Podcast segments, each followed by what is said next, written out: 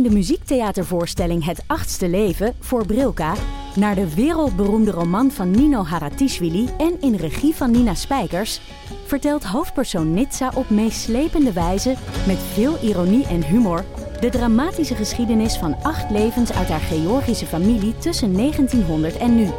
Een hartverscheurend en tegelijk troostrijk drama verteld vanuit het perspectief van vrouwen uit verschillende generaties. Waarbij het publiek meegenomen wordt op een emotionele, visuele en muzikale reis door de 20ste eeuw. Koop je tickets voor het achtste leven via oostpol.nl. Van het koude Nova Zembla naar het warme Suriname en van Rembrandt naar Judith Leister. Ik ben Hubert Totan en in de podcast In het Rijksmuseum praat ik met specialisten over de verhalen achter mijn favoriete kunstwerken.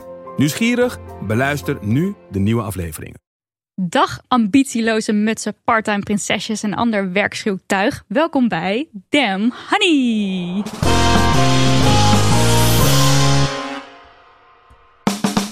De podcast over shit waar je als vrouw van deze tijd mee moet dealen. Mijn naam is Nidia En ik ben Marilotte. en dit is aflevering 78. En vandaag gaan we het eindelijk, eindelijk, eindelijk hebben over de loonkloof. Want ja, ja, ook in 2021 leven we in de gitzwarte realiteit dat vrouwen minder betaald krijgen dan mannen. Ja, en voor alle ins en outs over het loonkloof hebben we in de studio econoom, columnist en podcastmaker van de podcast I'm Speaking. En ook nog eens auteur van het boek Waarom vrouwen minder verdienen, Sophie van Gol. Hallo. Hallo. Welkom. Hallo, dankjewel. Ja, even kort een achtergrond, zodat de mensen weten wat voor een kick-ass persoon we hier aan de mic hebben zitten. Ja. Na je studie eh, ging je aan de slag op de Zuidas. De gevreesde Zuidas. Ja, klopt. Eh, bij een consultancykantoor. Nou, daar, ik denk dan al, wat doe je daar? Maar goed, misschien daarover later no meer. judgment hoor. Heel saai werk. Nou ja, goed. Daar kwam je erachter hoe fucked up het er eigenlijk nog ehm, aan toe gaat in bedrijven als je het hebt over gelijkheid. Ja. Toen dacht jij, hey, dit vind ik niet oké. Je werd de huisfeminist, je ging mensen aanspreken. Mensen kwamen ook naar jou toe met klachten. Ja. En toen was het bedrijf wel zo cool om dan te zeggen, nou weet je wat, eh, ga jij maar fulltime eventjes ehm, onderzoek doen naar hoe we vrouwen kunnen aannemen en hoe we ze kunnen behouden ook Ja. vooral.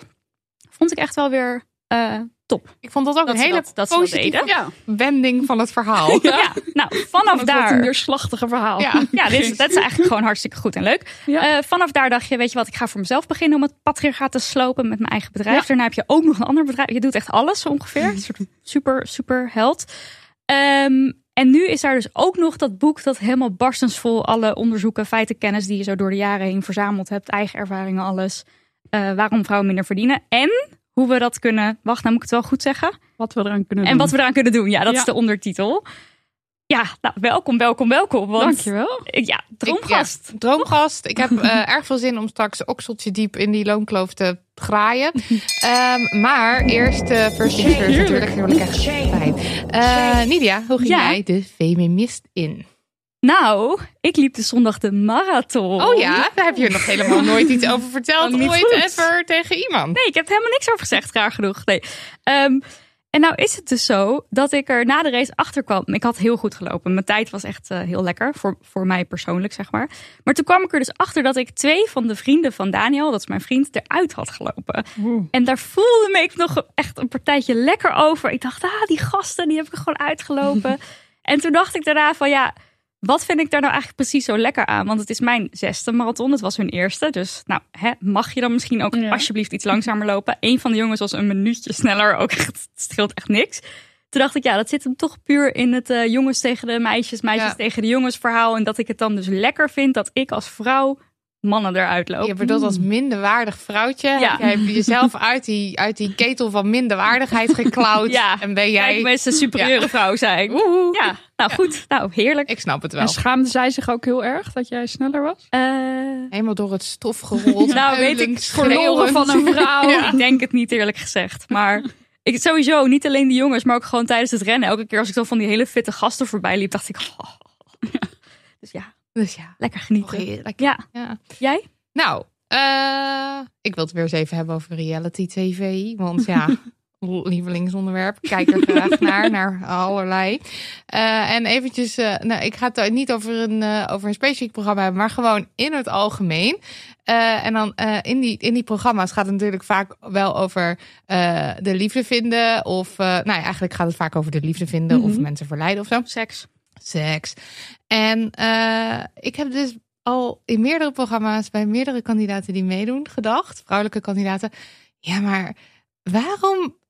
Jij, jij bent lesbisch. Hoezo wil je die vent? Dat kan helemaal niet. Jij valt op vrouwen. Dat is zeg maar, ik vul dat voor ze in, omdat ik ze zie, omdat ze, weet ik veel, zich op een bepaalde manier eh, gedragen, of omdat ze iets zeggen of kijken of whatever. En dan gaat mijn gaydar aan, voor zover dat bestaat. En dan vul ik dus voor hen in dat zij op vrouwen vallen. Wat natuurlijk heel kut is als je eh, i- een- een- iemand de seksualiteit aanpraat. Want het is al andersom ook gewoon heel erg vervelend. Eh, eh, we worden al genoeg in die heteronorm gedrukt. En daar ageer ik al eh, sinds jaren dag tegen inmiddels. En dan zeg ik eigenlijk tegen andere mensen... maar jij bent lesbisch, dus dat staat helemaal nergens op. Maar goed, eh, zowel Cato als ik eh, doen het eh, met veel liefde. Vanaf de bank, onder een dekentje, kopje thee, roepen wij... jij bent lesbisch tegen het scherm. Ja, Maar ze horen het niet. ze horen het niet. En Nee, dat scheelt, Want in, het, in het echt zou je het niet doen. Nee, tuurlijk niet. Dan Nee. zou ik gewoon achteraf zeggen... zij is lesbisch. Oké. Tegen Cato. Vooruit. Sophie. Ja, ik, ik moest erover nadenken, deze vraag. Want ik dacht van, ja, feminist. Maar ik ben nu eh, zwanger. Ehm, acht maanden. En ik merk wel dat, eh, nou ja, het wordt natuurlijk wat zwaarder, gewoon eh, fysiek. En normaal ben ik altijd super ja, zelfstandig en onafhankelijk. En wil ik alles zelf doen. En nu zegt iedereen de hele tijd me van, ja, maar je moet wel rustig aan doen hoor. En niet te veel tillen en niet te veel dat en niet te veel dat. En op een gegeven moment denk ik ook, ja, is goed joh. Weet je, als jullie het allemaal willen doen, prima. dus ook klusjes waar ik gewoon eigenlijk niet zoveel zin in heb. Weet je, ik veel het vuilnis buiten zetten of dat soort dingen. Dat ik denk, oké, tegen mijn vriend van ja, het is wel beter als jij dit nu eventjes... eh, Oh, good. Doe je dan ook zo af en toe af, even een extra kreuntje? Even een extra... Even je, je rug ondersteunen. Oeh, ja. eh, nou, daar kan ik niks over zeggen. Nog niet. Ja, oké. Maar betekent dat niet dat je hier tijdens je verlof zit? Nou ja, eigenlijk, Eigenlijk? was gisteren mijn eerste verlofdag. Oh, ja. wauw. nee. aan het werk weer. Dat is ook erg. Ja, Nou ja, maar ja. In ieder geval geen deeltijdprinsesje. En wanneer- ik dacht, ja, wat ga ik dan doen? Eh, vijf weken eh, nog, Niks. of misschien wel zeven weken. Ga ik het gewoon niet thuis zitten wachten de hele tijd? Zo van, oh. Dus ik dacht, ja, leuke dingen blijf ik gewoon nog eh, doen. Nou, Dus, fijn dat we onder ja, leuke precies. dingen gegaan zijn. Wanneer ben je uitgerekend? Oké, Eind november. spannend. Mijn zus die loopt ongeveer synchroon met jou. Dus dat vind ik Leuk. helemaal leuk. Helemaal leuk. Alles leuk. Eh tijd voor post. Post, post. En natuurlijk eerst een leuk bericht. Eh, kregen we vandaag binnen of niet? Ja. ja. Hallo, Vers. geweldige Marilotte en Nidia. Nee, daar staat er nog achter. Beide geweldig, niet alleen Marilotte. Bedankt voor deze opheldering hoor. Eh, allereerst Anders hebben we daar weer ruzie over. Ja, precies. Dat, is, dat wil je niet. Eh, allereerst natuurlijk alle lof voor jullie podcast en al jullie andere feministische initiatieven en activiteiten.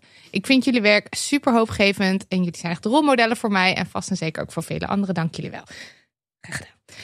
Dan nu even een kort bericht over een klein succesje van mij, al zeg ik het zelf. Laatst had ik twee sextoys besteld bij Christine Leduc en toen ik deze openmaakte om de inhoud eens te bewonderen, zag ik dat in beide producten een gebruiksaanwijzing zat waarin stond Seksspeeltjes mogen niet worden gebruikt door zwangere of menstruerende vrouwen. Raadpleeg altijd eerst een arts.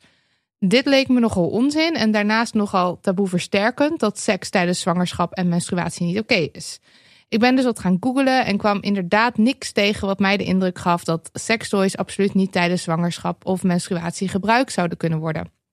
Wel wat adviezen als het kan gewoon, maar wees wel voorzichtig. Ik ben gisteren dus in de digitale pen geklommen en heb hen gemaild dat dit mij onjuist leek en dat ik het daarnaast een beetje ouderwets vond om het alleen over vrouwen te hebben in relatie tot menstruatie en zwangerschap. Zojuist een korte reactie van hen ontvangen dat de informatie inderdaad onjuist was en dat ze de gebruiksaanwijzing gaan aanpassen. Yes. Wel twijfel ik of ze het stuk over vrouwen in plaats van mensen ook gaan aanpassen. Of dat ze alleen doelen op het gebruik tijdens menstruatie en zwangerschap. Moet ik er nog verder achteraan mailen? Wat denken jullie? Ik kijk uit naar jullie volgende podcastaflevering. Groetjes, Stephanie. Groetjes. Groetjes. Groetjes terug. Ehm, ik zou denk ik eerst even afwachten wat de aan, wat de aangepaste tekst is. Maar ik vind het heel erg fantastisch dat je dit gedaan Ja, hebt. goede Ja. actie. Ja, echt lekker bezig. Het laat ook zien, zelfs kleine dingen. Of dat je denkt, oh, zo'n groot bedrijf. En misschien gaan ze nooit reageren. Maar je doet het gewoon. En Ze ze reageren gewoon. gewoon. Het is gewoon helemaal leuk. Ja. Dus ehm, ik bedoel, ik snap dat je twijfelt over dat, of dat stukje van eh, vrouwen in plaats van mensen ook aan gaan passen. Ehm, maar ik zou eerst eventjes kijken wat de tekst wordt. En dan daarna misschien nog wel even erachteraan mailen. Ja, why ja, not? kan toch. Ja. Ja. ze luisteren blijkbaar, dus toppie. Nou, lekker gewerkt. gaan we naar het poststuk. Hallo lieve meiden, ik zit met een dilemma. Ik ben op dit moment aan het backpacken door Europa. Superleuk. Nu slaap ik in hostels in slaapzalen en als het kan betaal ik af en toe een eurotje meer voor een slaapzaal met alleen vrouwen. Nu merkte iemand al op dat het onzin is dat je meer moet betalen als je in zo'n slaapzaal wilt slapen, want het kan ook om een veiliger gevoel gaan. Nu heb ik een leuk hostel gevonden in Wenen. Ze hebben twee verschillende soorten slaapzalen: klein, budget en groter, standaard. De volgorde van prijs is als volgt: budget mannen, budget gemengd, standaard gemengd en dan standaard vrouwen. Nu ben ik een beetje bang dat als ik ga mailen dat ze me anders gaan behandelen, want ik wil ondanks dit toch wel daar gaan boeken. Ik zou bijna uit protest een mannenslaapzaal kiezen. Wat vinden jullie? Veel liefs. Oh, ik zo recalcitrant van. Hoe kan? Wat is dit Ik snap ook? dit ook niet. Want Nee. wacht even, is de standaard dan ook een grotere kamer, dus er slapen meer mensen? dus de pink tax. Ja, dat lijkt Ja, me wel. Toch? Ja, producten die voor vrouwen zijn, maken ze gewoon duurder. Ja, Maar ook echt zo van vrouwen die willen dit waarschijnlijk sneller, want onveilig gevoel. Ja, dus dan kan je er dus we gaan er meer geld voor vragen. Dat is echt verschrikkelijk. Het kapitalisme. Maar ik, Nou, ik ben boos, ik stap op.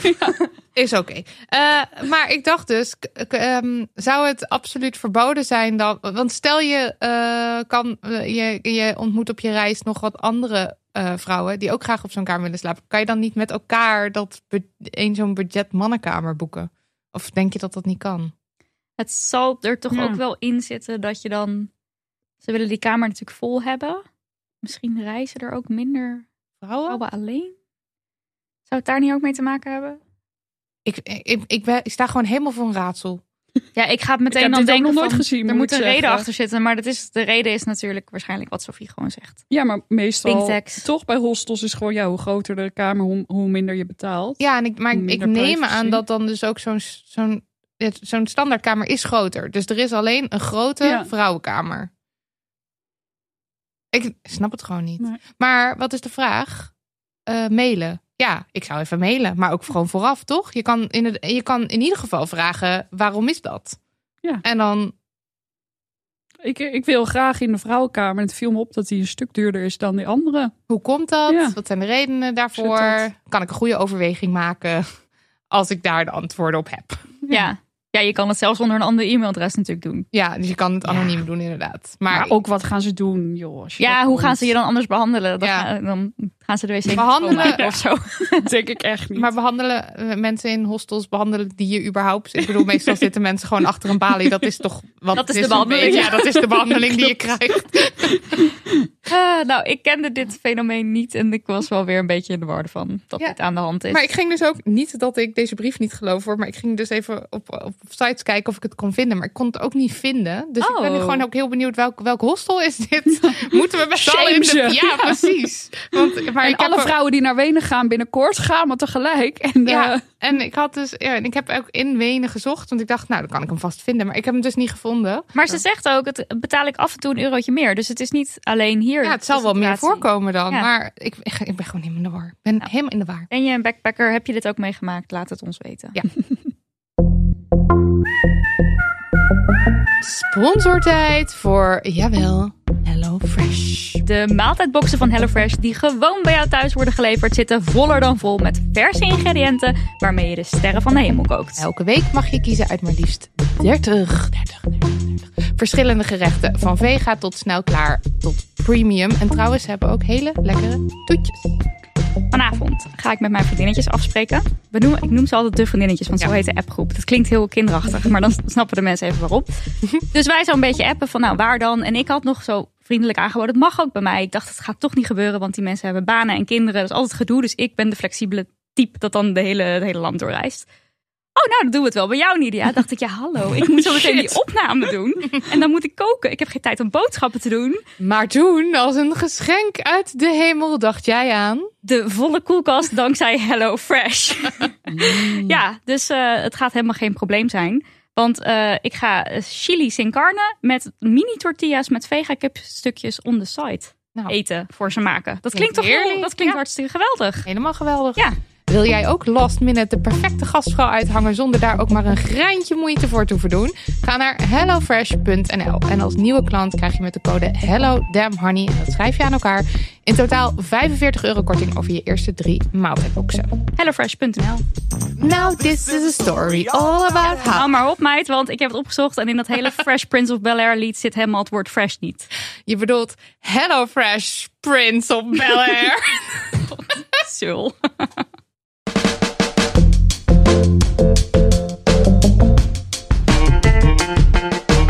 We moeten het even hebben over de loonkloof.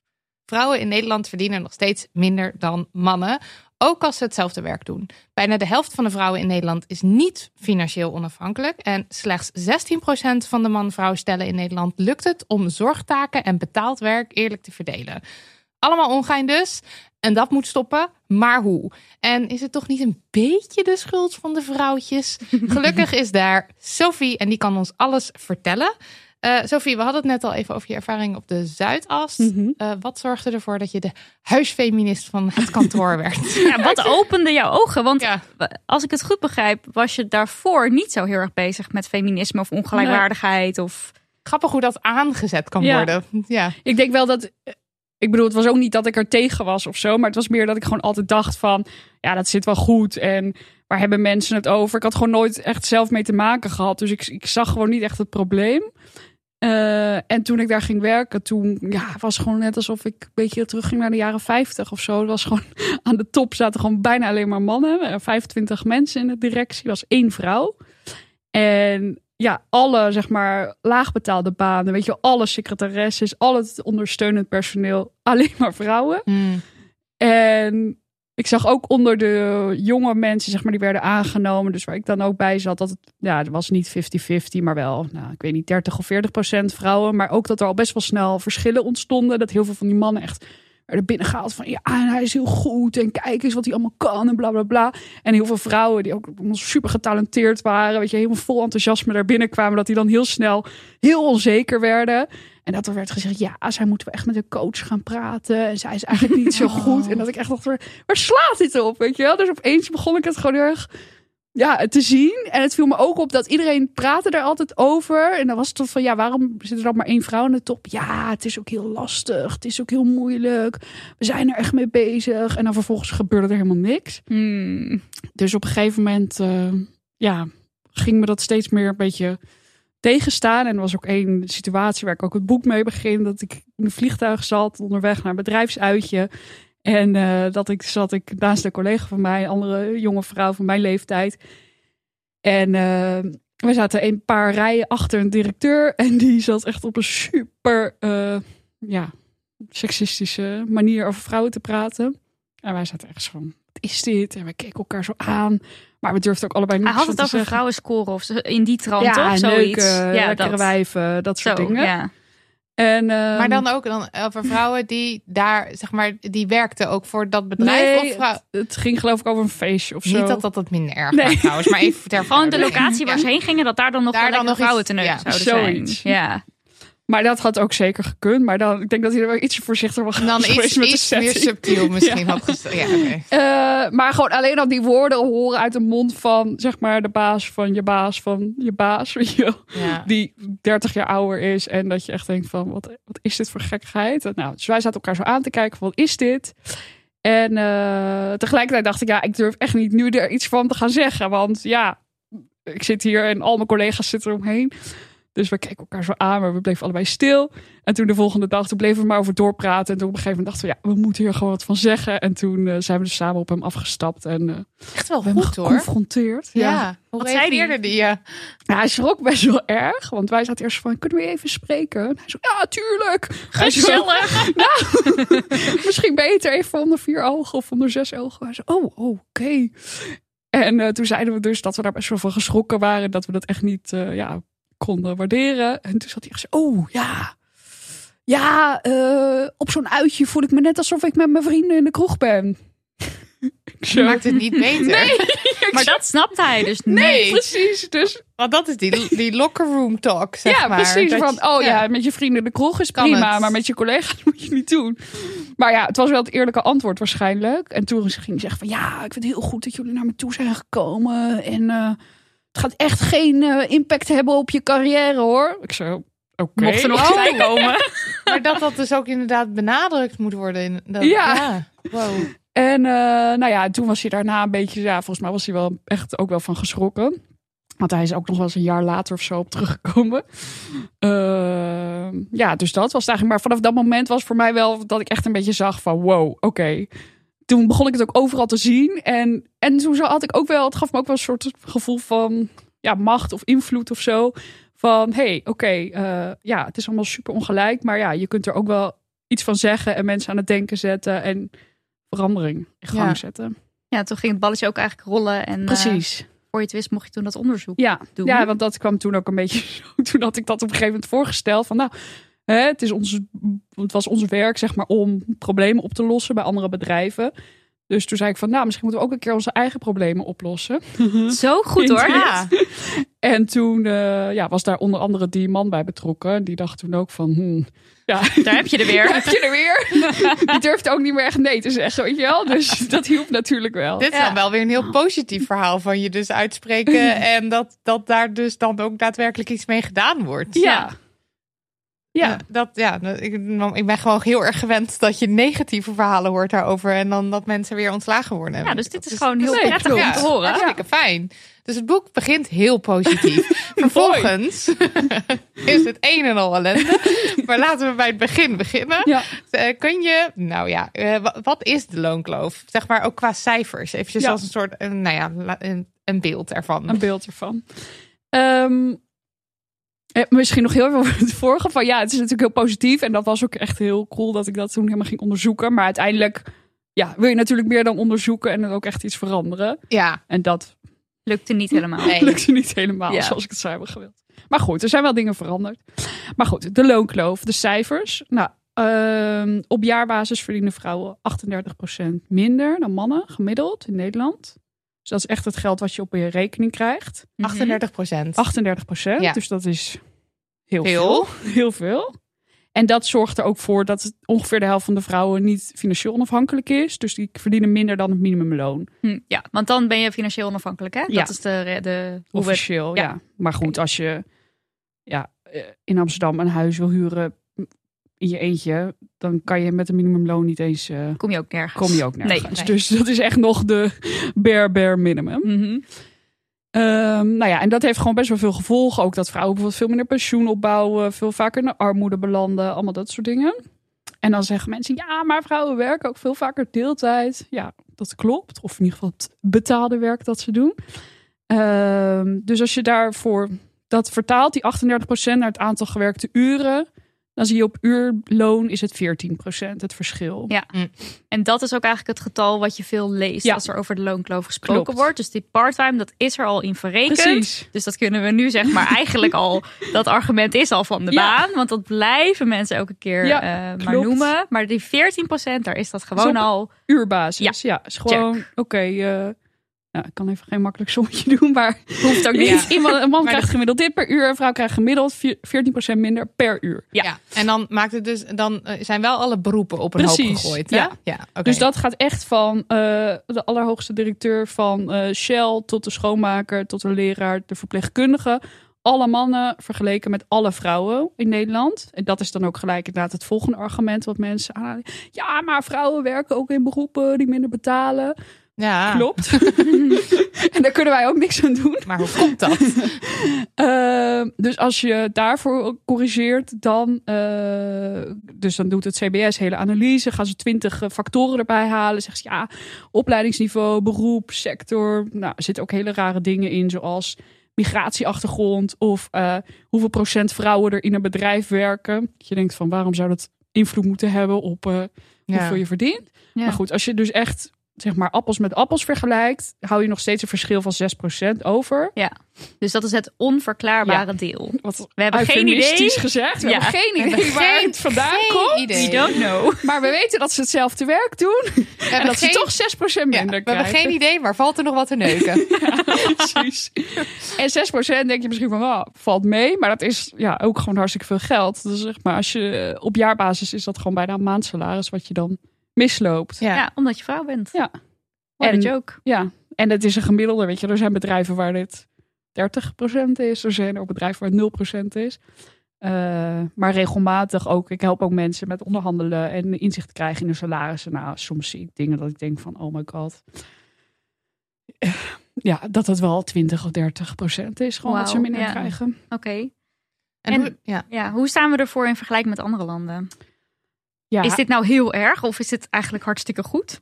Of een beetje Nou. in het midden. ja, een beetje in het midden, denk Hmm. ik. Kijk, het is overal slecht. Dat is denk ik de belangrijkste conclusie. Ja. Heel vaak zeggen mensen, ja, maar in de- is te lang opgelost. Nou, dat is gewoon echt niet zo, weet je. In de Scandinavische landen gaat wordt het het beste. gehaald. Ja. Ja. Daar gaat het ook echt wel beter. Is die loonkloof klein. En zie je ook echt veel meer vrouwen in hoge posities. In zowel politiek als bedrijfsleven. Eh, maar ook daar hebben ze nog steeds een loonkloof, weet je wel. Het is nog steeds niet opgelost. Ook daar hebben ze nog steeds seksisme en MeToo, schandalen en weg alles. Het is echt niet weg. En eh, ja, er zijn ook een heleboel landen waar het nog veel erger is. ja, Hmm, absoluut. Ja, oké. dus een beetje in between. Ja, Ja. in Europa ook qua loonkloof zit een beetje gemiddeld. Je schreef ook wel, ik vond het leuk om in je boek weer te lezen over Lange Vrijdag. Ja. Want ik weet nog dat we daar een paar jaar geleden of zo opeens over lazen. En nu kwam het opeens weer terug. Ehm, dat was een, een oktober, een, een, een, een dag in oktober in de Ja. jaren zeventig Ja. in IJsland. Waar alle vrouwen, allemaal, Bijna alle vrouwen, ja. 25.000 vrouwen Ja. hadden. 25.000, dat was ja, het. maar echt heel veel. 90% of zo van alle vrouwen. Gewoon hun werk hebben neergelegd. Ja. Maar al het werk, Alles. hè? Alles, Ja. onbetaald en betaald. Ja. Gingen niet voor de kinderen zorgen en ook hun werk op kantoor niet doen. Klopt. Gingen niet koken, ze deden niks. Ze deden Nee, niks. niks. En door die, die dag heeft zo ongelooflijk veel Ja. indruk gemaakt op het land. Dat men dacht, oh my god, dit kan niet. Die vrouwen die zijn Die eigenlijk vrouwen zijn hartstikke, hartstikke nodig. Precies. Ja, ja, klopt. En dat vond ik zo... Nou ja, ik dacht wel... Ja, wij hebben het werd ook het eerste land met een vrouwelijke premier, geloof ik. Ja, het heeft gewoon In heel erg Europa in ieder doorgewerkt. geval, in ja. Europa, ja. Ja, en nog steeds staan ze er wel echt het beste voor op het gebied van eh, gendergelijkheid. Ja, zij zei op één, Ja. IJsland. Volgens mij, ja. Nou ja, maar het is natuurlijk ook een relatief Ja, het klein is een heel land. klein land. Er wonen 300 Maar ja, toen dacht ik, wij zijn ook een klein land. Ja, Waarom doen wij dit niet? Ja. Maar ja, Waarom leggen we dat werk niet neer? gewoon Ja. iedereen, alle vrouwen, op een bepaalde dag, ergens in 2021. ben erbij. Ja. ik ging laatst voor mijn boek eh, presenteren op een middag van de uitgeverij. En toen eh, was ook Adriaan van Dis een van de andere auteurs. En toen eh, had ik verteld. En toen zei hij ook, ja, en waarom gooien jullie niet het beltje erbij neer? Ik zo, nou, ik ben ervoor. Ja, maar denk je dat het zou werken in Nederland? Nou, ik denk als je echt zo'n grote actie doet, zeg maar net zoals je nu ook wel elk jaar ziet met die Women's March en Mhm. zo. Eh, ja, het, zorgt in ieder geval voor aandacht, voor het onderwerp, dat mensen over na gaan denken, mensen over in gesprek gaan. En ik denk wat heel sterk was aan die actie in IJsland, is dat ook heel veel mannen echt de ogen werden geopend. Want die dachten van, holy shit, ja, als ik mijn kinderen mee moet nemen naar mijn werk, ja, dan kan ik eigenlijk niks doen de hele dag. En ehm, ik geloof ook dat de- kranten waren de volgende dag maar half vol geschreven. Omdat alle vrouwelijke journalisten niks hadden gedaan. Weet je op de radio hoorde je kinderen er doorheen schreeuwen. Omdat die mannen hun kinderen mee moesten nemen naar hun werk. Dus allemaal dat soort dingen. Dat je opeens inziet van, Wow, oeps, ja, ja, ja. dit gebeurt allemaal. En het is allemaal een beetje onzichtbaar werk eigenlijk. Dat we gewoon maar aannemen voor lief. Terwijl, ja, er zit heel veel waarde in. En we kunnen eigenlijk niet zonder. Ja. Dus ja, ik dit- doe mee. want dit is natuurlijk al een heel interessant gegeven. Dat wat wij zien als werk, Mhm. wat is eigenlijk werk? En Ja. wie bepaalt wat werk is? Wie, be- wie, wie, be- wie bepaalt het? Ja, want dit, hier zat ik ook nog aan te denken. We hebben het wel vaak over het systeem is gemaakt voor mannen. eh, en eh, eh, vrouwen zijn naar twee. Maar ik denk altijd dan, dat, welke mannen waren dat? Maar jij hebt daar antwoord op in dat boek. Want er was gewoon een naam voor die man. Adam Smith. Adam Smith. Ja. Die helemaal niks hoefde te doen. Nee, klopt. Alleen maar denken en werken en zo'n systeem dus eruit persen. Ja, wacht, vertel, leg eventjes uit. Wie is Adam, Wie is Smith Adam en wat Smith? heeft hij bedacht? Nou, Adam Smith is een eh, econoom uit de eh 18e eeuw. Ook wel de bad guy. de bad guy. In dit verhaal. Is ook over Waar Sophie de heel, eh, superwoman is, is hij de bad guy. interessant boek over. Dat heet ook eh Who Cooked Adam Smith's Dinner. Hm. Eh, en dat, dat gaat dus over de vraag van ja, wie eh, kookt het avondeten van eh, Adam Smith? Nou, dat was Zijn moeder. niet Hello Fresh, maar zijn moeder. Ehm, en hij was dus, ja, wat hij heeft bedacht, heeft een heel groot, belangrijk boek geschreven, The Wealth of Nations, wat een beetje de basis is geweest voor de economische theorie zoals we die nu kennen. En hij was dus ja, alleenstaande man, had geen partner, geen kinderen. En toen hij dat ging schrijven, ging hij weer bij zijn moeder wonen. En die deed gewoon alles voor hem. En die kookte ze eten. En hij hoefde nooit ergens over na te denken. En het idee is een beetje van ja, hij, weet je wel, hij nam zichzelf als uitgangspunt voor eh, de gemiddelde mens of de gemiddelde man. En heel veel dingen waar vooral vrouwen mee te maken hebben, die, ja, die kwamen niet eens bij hem op. Omdat hij het gewoon Zoals zorg voor kinderen. ja, precies. Ja. Of onbetaald werk, of dingen in het huishouden, of koken, of dat soort dingen. Ja. Ehm, ja. En di- dit is zo'n goede illustratie van hoe belangrijk het is dat je dus allemaal verschillende mensen in bijvoorbeeld de politiek moet hebben. Ja. Omdat je gewoon al die perspectieven nodig Klopt. hebt. Want hier is één zo'n vent die dit bedenkt, al die shit niet meeneemt Ja. waar vrouwen mee te dealen hebben. En dan dus met een systeem komt waar de hele wereld door beïnvloed is. En nu zitten we in de shit. Is Ja. eigenlijk het verhaal. Nee, klopt. En nu in de politiek zie je het eigenlijk ook. Ik las dat vanochtend volgens mij dat nu ook met die toeslagenaffaire bijvoorbeeld, dat ze dan de hele tijd weer slachtoffers willen gaan uitnodigen om de hele tijd weer te vertellen van ja, wat er eh, nou allemaal is gebeurd en hoe het hun heeft geraakt en bla bla bla. En dat het ook een beetje zo is van ja, hallo, eh, hebben die politici niemand aan wie ze dat zelf kunnen vragen, weet je wel, in hun eigen omgeving? Of is het zo ver van hun bedshow, weet je Ja. wel, dat ze zich daar helemaal niet in kunnen verplaatsen? Dus je ziet dat denk ik op heel veel eh, gebieden wel. Ja. En Maar zouden we dan, wat wij nu onbetaald, ja, wat dus eigenlijk gewoon werk is, maar wat niet betaald Ja. is, wat moeten we daar dan mensen voor gaan betalen? Of wat is daar dan een soort oplossing voor? Ja, dat is een goede, lastige vraag. ja dat snap ik hoor. Dat het niet. Nou ja, eh, ik denk de eer, het eerste wat wel belangrijk is, is om het te zien als werk en dat ook te erkennen. Dus in dat hele eh, doodvermoeiende debat over eh, deeltijdwerk en zo, dat dit heel vaak eigenlijk buiten beschouwing wordt gelaten. Terwijl, ja, ook als je aan oplossingen denkt, weet je wel, bijvoorbeeld van die mensen zeggen, ja, maar alle vrouwen moeten ook fulltime gaan werken. Dan denk ik, ja, oké, prima, maar wat, hoe ga je dat oplossen, weet je wel? Wat ga je doen met al dat onbetaalde werk? mhm. Ja, wie gaat dat dan doen? Het zal Wie gaat dat dan gebeuren. doen? Precies. Dus dat kan zomaar betekenen dat je hele grote tekorten weer gaat krijgen in de kinderopvang of de ouderenzorg. Al die dingen die vrouwen nu gewoon doen onbetaald. Ja, Ehm, dus ik denk dat dat het belangrijkste is om dat in eerste instantie te erkennen en dat ook te kwantificeren en zo. En vervolgens, ja, dat is meer een politieke vraag. Ik zou denken dat er wel wat voor te zeggen valt om dat te betalen. Eh, maar goed, het voor basisloon of zo. ja, basisinkomen. Er zijn ook wel manieren, bijvoorbeeld mantelzorg kan soms ook wel. Er zijn ook wel Oh ja, mensen die hun, eh, persoonsgebonden budget of zo heb precies, je, ja, die hun baan Ja. daarvoor opzeggen en dan daaruit laten betalen. Maar het is ook Mm. niet dat je daar rijk van wordt of zo. Ja. Ik moet ook zeggen dat mantelzorg, ik las het wel de hele tijd, maar dat Ja. is ook niet het eerste wat bij mij opkomt. Ook vanwege mijn geprivilegeerde blik, dat ik Mhm. dat zelf dus nog niet doe. Ja. Of misschien nooit ook ga, dat weet ik niet. Maar er zijn natuurlijk heel veel mensen die voor familieleden of, ja, die, of medicijnen halen. Je hoeft natuurlijk niet altijd eh, eh, de hele dag te zorgen, Nee. maar al is het twee uur in de week, je Precies. bent er toch maar mooi mee bezig. En dat zijn dus ook overwegend Ja, vrouwen die klopt. dat doen. Ja, Ja. En het is ook een hele grote verantwoordelijkheid vaak. Heel veel uh, ja, Ook zorgen ook die ook erbij komen. Precies. ja. Ja, dus ik denk dat de eerste stap is het erkennen dat het werk is en dat we niet zonder dat werk kunnen. En de tweede vraag is, ja, hoe willen we dat belonen? En dat zou dus kunnen ja, met een basisinkomen of met budgetten. Of, en ik denk los van of je het wil belonen, dat het gewoon heel belangrijk is om het eerlijker te verdelen. Ja, Want ja. waarom Waarom lukt dat toch in niet, hè? hemelsnaam moeten vrouwen al dat werk doen? Ja, want eh, dat zei jij net in, die, eh, in het introotje. 16% van de man-vrouw stellen die lukt het om het eerlijk te verdelen. Ja. Terwijl het percentage dat het eerlijk wil verdelen, ik heb het even niet in mijn hoofd, maar dat Veel is hoger. hoger. Ja, dus is het meer is dan niet, de helft volgens mij. het is niet dat maar 16% zegt ik Nee. wil het en ik doe het, maar Nee. het is hoger. Maar word je dus als, als gezin, als ma- man, vrouw, kindgezin, word je dan dus heel erg in de richting Ja. geduwd van de vrouw heel gaat erg. uiteindelijk, want je, want je wordt beloond voor als de vrouw eh, zorg op zich thuis neemt. En, ja.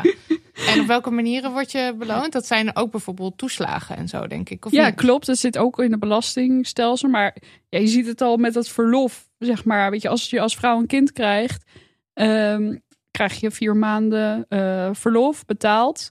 Als man, tot voor kort was het twee dagen. Ja, dat was helemaal Ja, dat bizar. En als partner ook trouwens.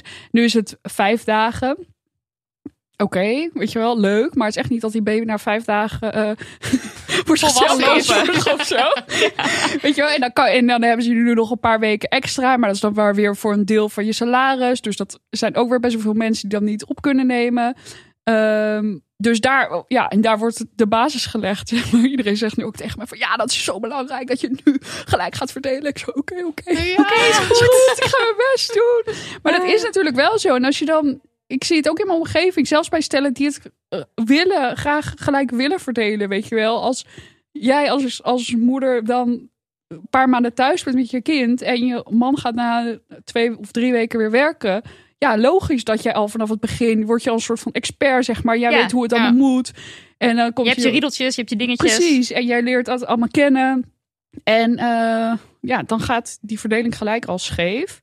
En die loonkloof speelt ook een hele belangrijke rol. Want heel vaak verdienen vrouwen dus ook al minder voordat ze kinderen krijgen. En dan daarna gaan ze samen de keuze maken van... hey, Wie gaat er eh, wie minder? gaat er minder werken? Nou, het is toch logisch dat jij dan eh, drie dagen gaat... en ik vijf dagen blijf werken. En zo, ja, word je daar Ja, dus geduwd, zeg maar. En ik heb ook wel gehoord van eh, collega's van vorig werk, waar bijvoorbeeld het eigenlijk ongunstig was. Dat eh, het was ook een gezin en ik werkte samen met eh, de moeder. Ja. En zij zei: Het is eigenlijk ongunstig voor mij om te gaan werken, want we gaan er qua toeslagen ook heel erg op Ja. achteruit. Maar ik wil werken ook om Ja. sane te blijven. Dus dan lever je eigenlijk in. Dus je wordt echt aangemoedigd Klopt, om gewoon thuis te blijven. Ja, nou ja, in ieder geval om niet fulltime te werken. Het is heel erg ingericht inderdaad op dat anderhalf ja. verdienmodel. Dus, en dat dan meestal betekent een man die vijf dagen werkt en de vrouw een beetje ja. voor erbij, zeg maar. En inderdaad met die toeslagen en zo. Het is allemaal heel super ingewikkeld. Ehm, maar dat kan dus ook uitmaken dat je denkt, oké, ik ga een dag extra werken en netto levert het eigenlijk bijna niks op. ja.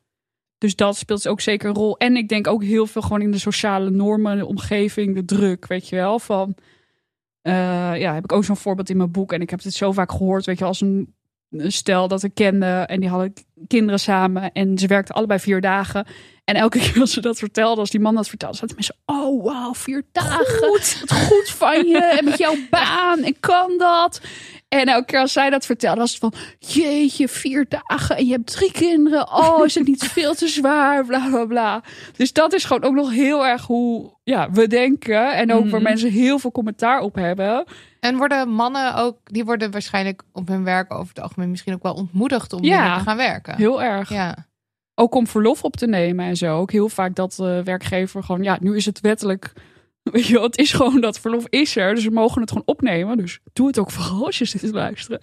Maar heel veel... Ja, als je werkgever zegt van... Nou, is niet echt handig eh, voor je carrière. Of eh, ja, is voor mij heel lastig, want ik moet vervanging zoeken. Weet je wel, ze worden heel erg ontmoedigd. ja. En soms, ja, ook... Ook via via een man die, het, die ook nog extra verlof op wilde nemen. Die wilde gewoon echt een paar maanden. Nou, die keek ze echt aan alsof hij... eh, Dat kan niet. een ruimtereis wilde gaan maken. Of zo was echt zo van, waar heb je het over, weet je wel? En hij zei, ja, dat wil ik. Ga maar uitzoeken hoe het kan. Nou, uiteindelijk kon het. Maar Hmm. het is gewoon totaal niet gebruikelijk. En voor vrouwen is het gewoon, ja, standaard. Het is verplicht volgens mij zelfs. ja. Als je Ja. echt tegen de stroom in, als je, Ja. dan, wil je, dan wil je de boel eerlijk verdelen, maar je moet wel echt tegen de stroom Precies, in dan. ja. Dus. Ja. En we doen met z'n allen alsof het helemaal niet hoeft. Nou, we doen heel erg alsof het een vrije, of een vrije keuze Ja. is, inderdaad. En Zo dat van, is het. De vrouw die wil zelf Ja. bij de kinderen blijven. En Ja. dat is dus interessant om naar te kijken in hoeverre wil je, ja, waarom wil je het dan eigenlijk en hoe Ja. zit dat dan precies? Maar het is vet gecompliceerd, want Ja. het is niet zo van, oh, we doen dit en dan dit en is het klaar. Nee, Ja, dat dat eh, partnerverlof gelijk trekken, dat, dat is wel een heel ehm, ja, makkelijk iets, zou ik Ja, zeggen, zou om, ik om te gaan doen. ja. En een soort goed begin. ja, Maar dan heb je nog niet de samenleving die op een bepaalde manier kijkt Nee. naar eh, rolverdelingen. eh. klopt. Maar en dat hangt ook allemaal met elkaar samen natuurlijk. Want oh, ja, het is ook niet zo duidelijk wat echt oorzaak en gevolg is. Want als meer mannen dat verlof op gaan nemen, dan ja, gaan we het denk ik ook normaler vinden. Ja, dus z'n er moeten allen. een paar eh, kop boven het maaienveld Precies, ja. Ja, Ja, ik, heb, ik- ja. ik, ik heb zelf ook, ik zag de laatste tijd best wel veel vaders in de buurt rond strollen met de babywagens. Zo heet, ja, baby, heet echt een babywagen of niet? Een Kinderwagen. Ja. Of een babywagen, toch? Wat een woord. Of draagzakken. En dat ik dan denk, oh wat goed. Dus ik ben Ja. zelf precies zo Ja. hoor. Het is heel, heel erg, maar ik ben precies zo. Hoezo is geld zo belangrijk? Ik bedoel, je wilt gewoon gelukkig zijn. Ja. Geld maakt Geld niet maakt niet gelukkig. gelukkig. Nee, dat klopt. Maar mijn moeder zegt altijd: geld maakt niet gelukkig, maar het helpt wel. Het is wel makkelijk. Het geeft je vrijheid. Het geeft je maar Ja, vrijheid. of mensen die ja. zeggen, ja, maar ik vind het prima dit salaris. Ik, ik Ja. werk in de zorg en dit is wat ik krijg. Het is helemaal goed. Waarom zou ik meer Ja. krijgen? Ehm, Sophie?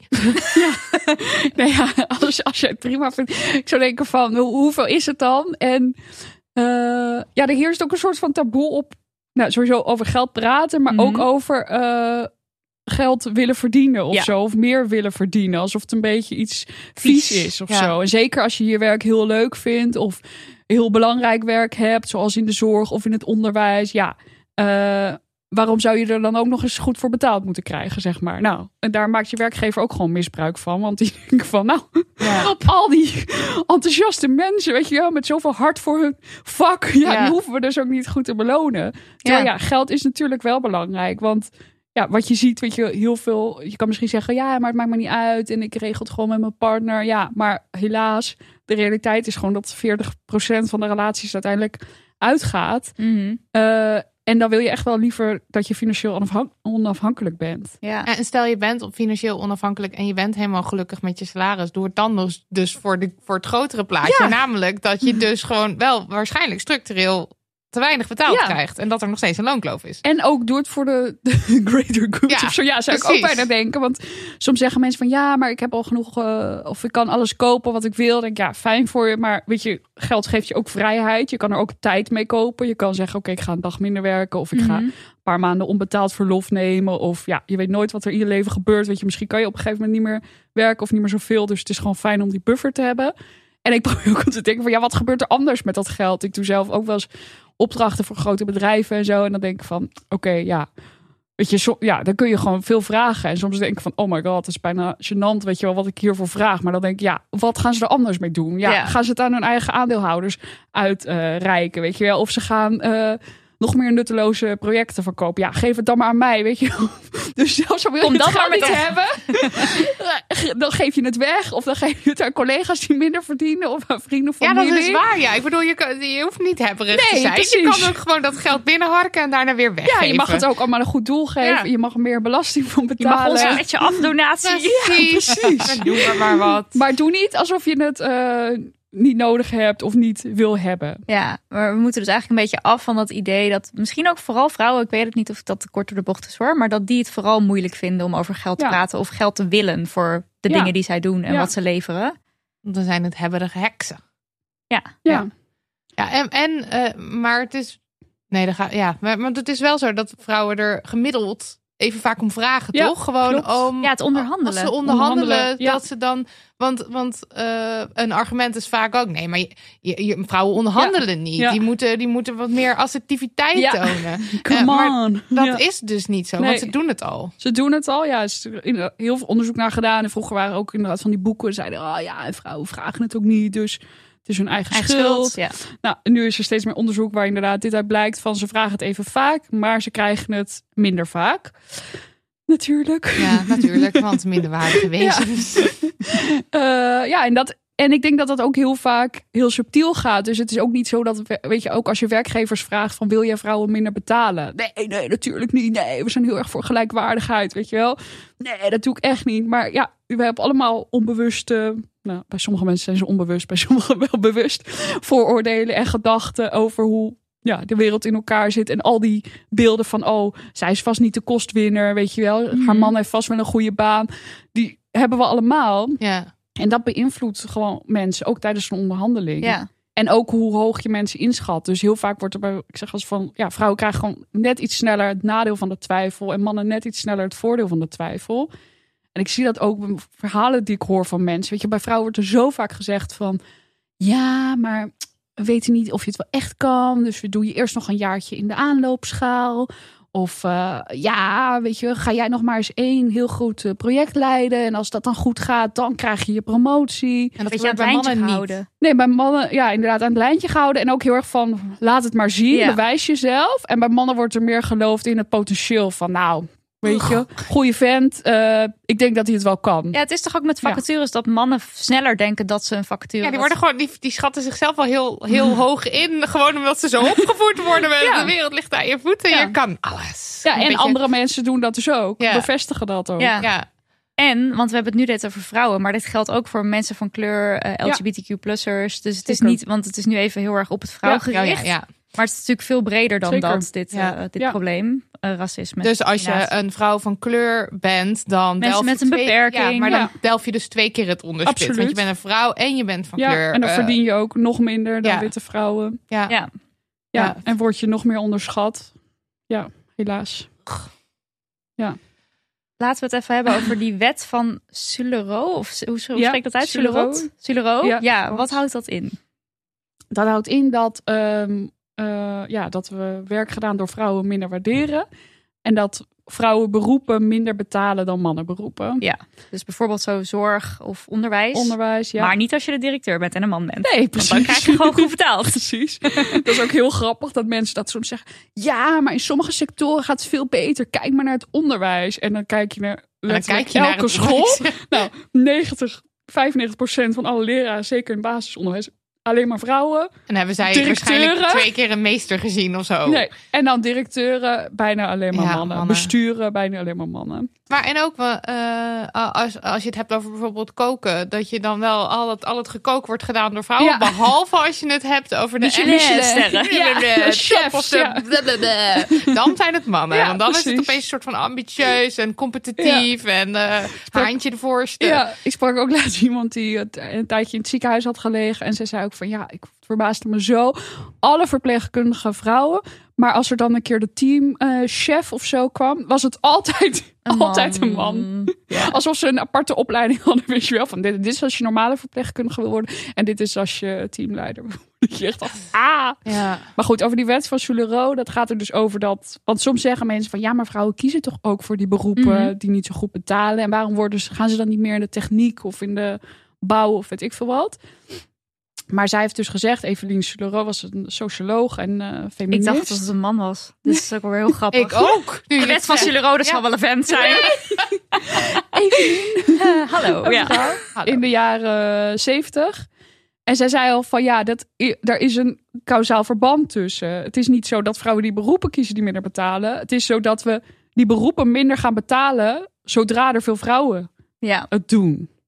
En dat zie je dus ook veranderen in de loop der jaren. Want vroeger, ja, vroeger was natuurlijk alles een mannenberoep, omdat vrouwen niks mochten. Wat ook niet lang geleden is vroeger. Nee, ja, zeker. Dat is de jaren 50, 50. 60 ja, jaar geleden. Eh 70 misschien. Ehm, maar dat zie je dus in beroepen waar eh, in de loop der jaren, zeg maar, wat er heel erg is veranderd. Van vroeger waren het bijna alleen maar mannen. Nou, nu zijn het bijna alleen maar vrouwen. Wat is daar? ja, precies. onderwijs bijvoorbeeld. Ja. Eh, dat in diezelfde periode het salaris heel erg is gedaald. En het aanzien ook van ja, want vroeger was de onderwijzer, de, de, de Ja, was best wel een goede gewoon- baan. Ja. best wel aanzien ook. Best Ja. wel status. Maar Met, hoe, hoe komt dat dan? Want ik bedoel, zitten er dan mensen zo in zo'n in een, in een kantoortje zo van, haha, we hebben nu 60% vrouwen. We gaan nu de boel naar beneden schroeven. Ja. Ja, er Gebeurt zit dat een eh, hogere macht die dat allemaal bepaalt. nee, dat gaat natuurlijk ook eh, subtiel bij de re- eh, rechterlijke macht. Zie je het ook. Rechters waren ook vroeger bijna alleen maar mannen, nu bijna alleen maar vrouwen. Loopt er jaren ook het salaris heel erg gedaald. Ja, en wat ik heel interessant vond, was ook jouw voorbeeld van de eh, programmeurs. Oh, de computer girls. Ja. Ja, dus dat waren vroeger. Ze dachten toen van, nou, dat is een beetje secretaressewerk, weet Precies, je wel. Nou, ja. dan kunnen die vrouwtjes toch wel doen. Dus die vrouwtjes dat doen. En toen kwamen ze er opeens achter door een rapport van, oh, maar het is eigenlijk best wel ingewikkeld en best wel heel cool als je dit doet. Dan gaan we allemaal mannen erop Klopt, zetten ja. en dan gaan we ze goed betalen. Ja, Echt belachelijk. Echt. Oh, en vroeger dus ook was het ja, prima betaalde baan, maar niet zo bijzonder. En nu Mhm. is het wow, wow, wow, een van de meest coole en best betaalde Valley. eh, banen die er is. Ja. En zijn het bijna alleen nog maar mannen. Ja, hoe komt dat? Eh, nou, ik heb ook een onderzoeker daarover geïnterviewd. Die zei van ja, er zijn twee eh, versies. Weet je, de, e- het ene verhaal is van ja, je krijgt gewoon steeds meer gekwalificeerde mensen op de arbeidsmarkt. Vroeger had je alleen maar mannen. Nu komt er gewoon heel veel aanbod bij van vrouwen. Nou, als het aanbod stijgt en de vraag blijft hetzelfde, dan kan de prijs dalen. Dus kan het salaris. Je kunt gewoon minder gaan betalen, omdat je gewoon veel meer keuze hebt. Oké, ja. Mm. Mhm. Ja, ik ben niet overtuigd, want andersom Nee. zie je dat niet, denk Nee, en het gaat ook voor heel veel sectoren helemaal niet op. Ja, Want precies. weet je wel, er is een mega groot tekort aan verpleegkundigen en aan leraren. En Ja. alsnog betalen we ze heel weinig. Dus het is een beetje theoretisch eh, gedachte. Ja. Nee, nee, nee. Volgende. Nou ja, en wat hij ook zei is van ja, en, en vrouwen eisen ook meer flexibiliteit. Dus weet je wel, ze willen graag eh, deeltijd of thuiswerken of dat soort dingen. En dan zou je ook als werkgever kunnen zeggen van ja, is prima, dat geef ik je, maar dan betaal Maar ik dan je wel wat je minder. in flexibiliteit eigenlijk.